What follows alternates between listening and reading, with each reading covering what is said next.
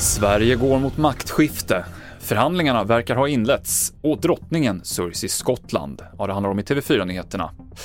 Allt pekar på att högersidan går mot valvinst och samtalen inom blocket tycks ha börjat. Ledarna för SD, KD och L har en i taget besökt Moderaternas kansli under dagen.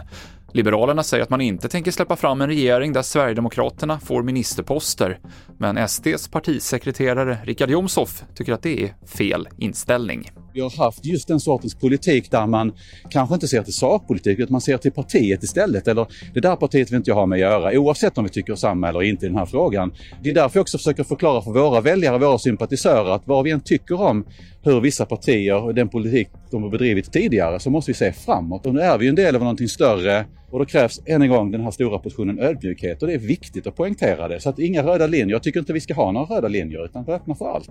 Sa Richard Jomshof, SD.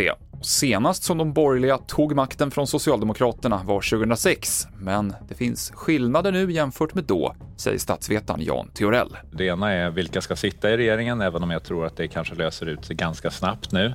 Eh, Liberalerna blockerar Sverigedemokraterna, Sverigedemokraterna eh, blockerar Liberalerna kan man enklast uttrycka det som. Så det kommer bli MKD.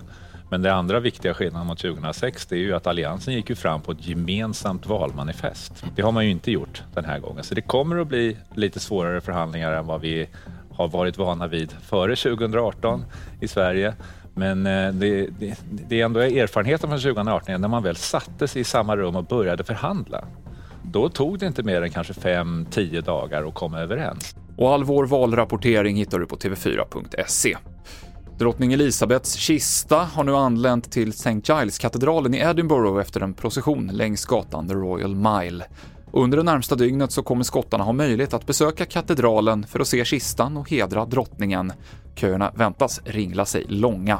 Imorgon ska kistan sedan flygas till London, där begravningen sker måndag nästa vecka. TV4-nyheterna i studion idag, Mikael Klintevall.